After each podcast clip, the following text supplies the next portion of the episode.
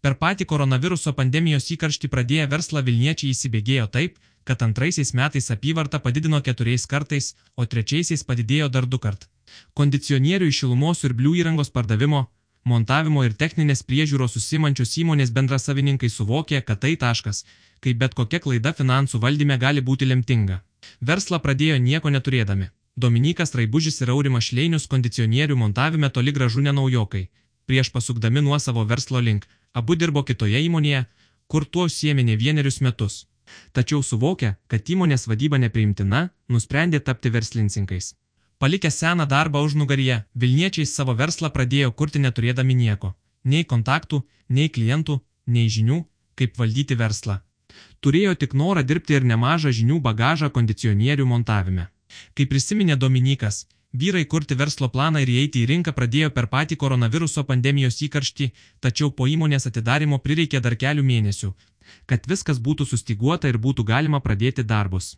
Susipirkę įrangą, transportą ir sutvarkę kitus niuansus, skelbimų portaluose patalpino skelbimą, kad kokybiškai ir už prieinamą kainą teikia kondicionierių montavimo paslaugas. Taip ir prasidėjo įmonės kondimonta. Veikla Pradėjome dirbti dviese ir patys montuoti kondicionierius, o pirmaisiais metais jau pasiekėme 100 tūkstančių eurų apyvartą ir nusprendėme, kad norime daugiau.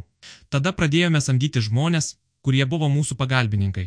Iki tol vakarais rūpindavomės pardavimais, o dienomis montuodavome įrangą. Prisiminė verslo pradžią pašnekovas. Verslo savininkai kondicionierių ir šilumos ir blių montavimo darbus paliko kitiems darbuotojams, o patys pradėjo direktoriauti.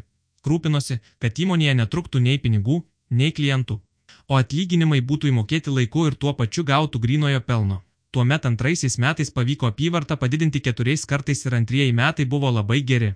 Tretieji metai, pasirodo, buvo dar geresni.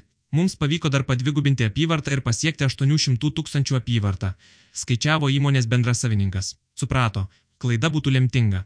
Pamatę, kad apyvarta kasmet didėja kartais, verslininkai suvokė, kad kiekvienas veiksmas, gali būti lemtingas ir reikšti eros pabaigą. Atsiradus didelėms sumoms supratome, kad reikia daugiau žinių ne tik apie investavimą, bet ir apie verslo vystimą, finansus ir kaip juos planuoti, kalbėjo jis.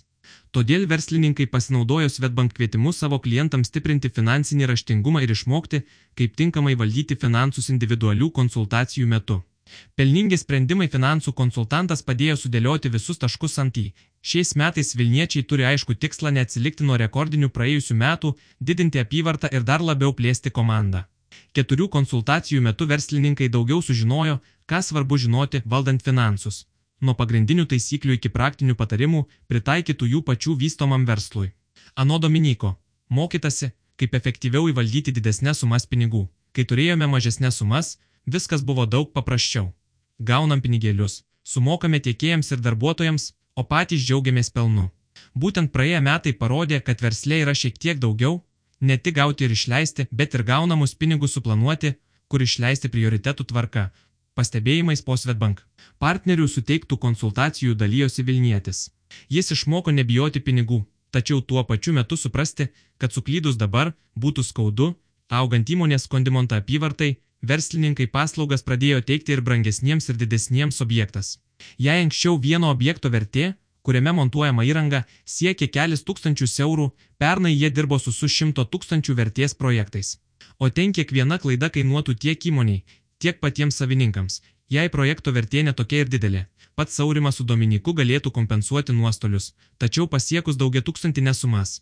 Tai padaryti netaip ir lengva. Buvo svarbu sužinoti, kad jei atsirastų kažkokia klaida, ji nebūtų lemtinga ir tai nereikštų pabaigos, sakė jis, išleidžia ne vieną tūkstantį. Dominikas juokauja, kad jų klientai labai lepus, jie nori to, kas pigu, bet aukščiausios kokybės. Tačiau vyrai bando įgyvendinti ir tokius įnorius, pasiūlydami ne tik gerų techninių savybių įrenginius, bet ir tokius, kurie tarnauja ne vienerius metus.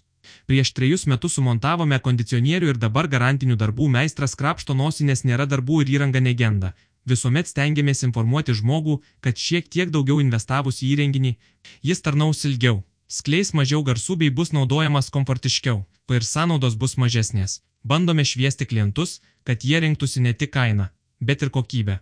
Minėjo jis. Tačiau jau pastebima, kad klientai savo namuose išties vertina kokybę. Tuo verslininkai džiaugiasi.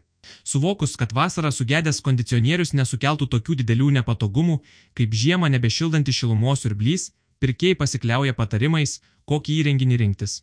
Kondicionierių ir jo montavimą vidutiniškai žmonės išleidžia apie 1,6-1,8 tūkstančius eurų, jei kalbant apie šilumos siurblius, kainų žirklės didesnės.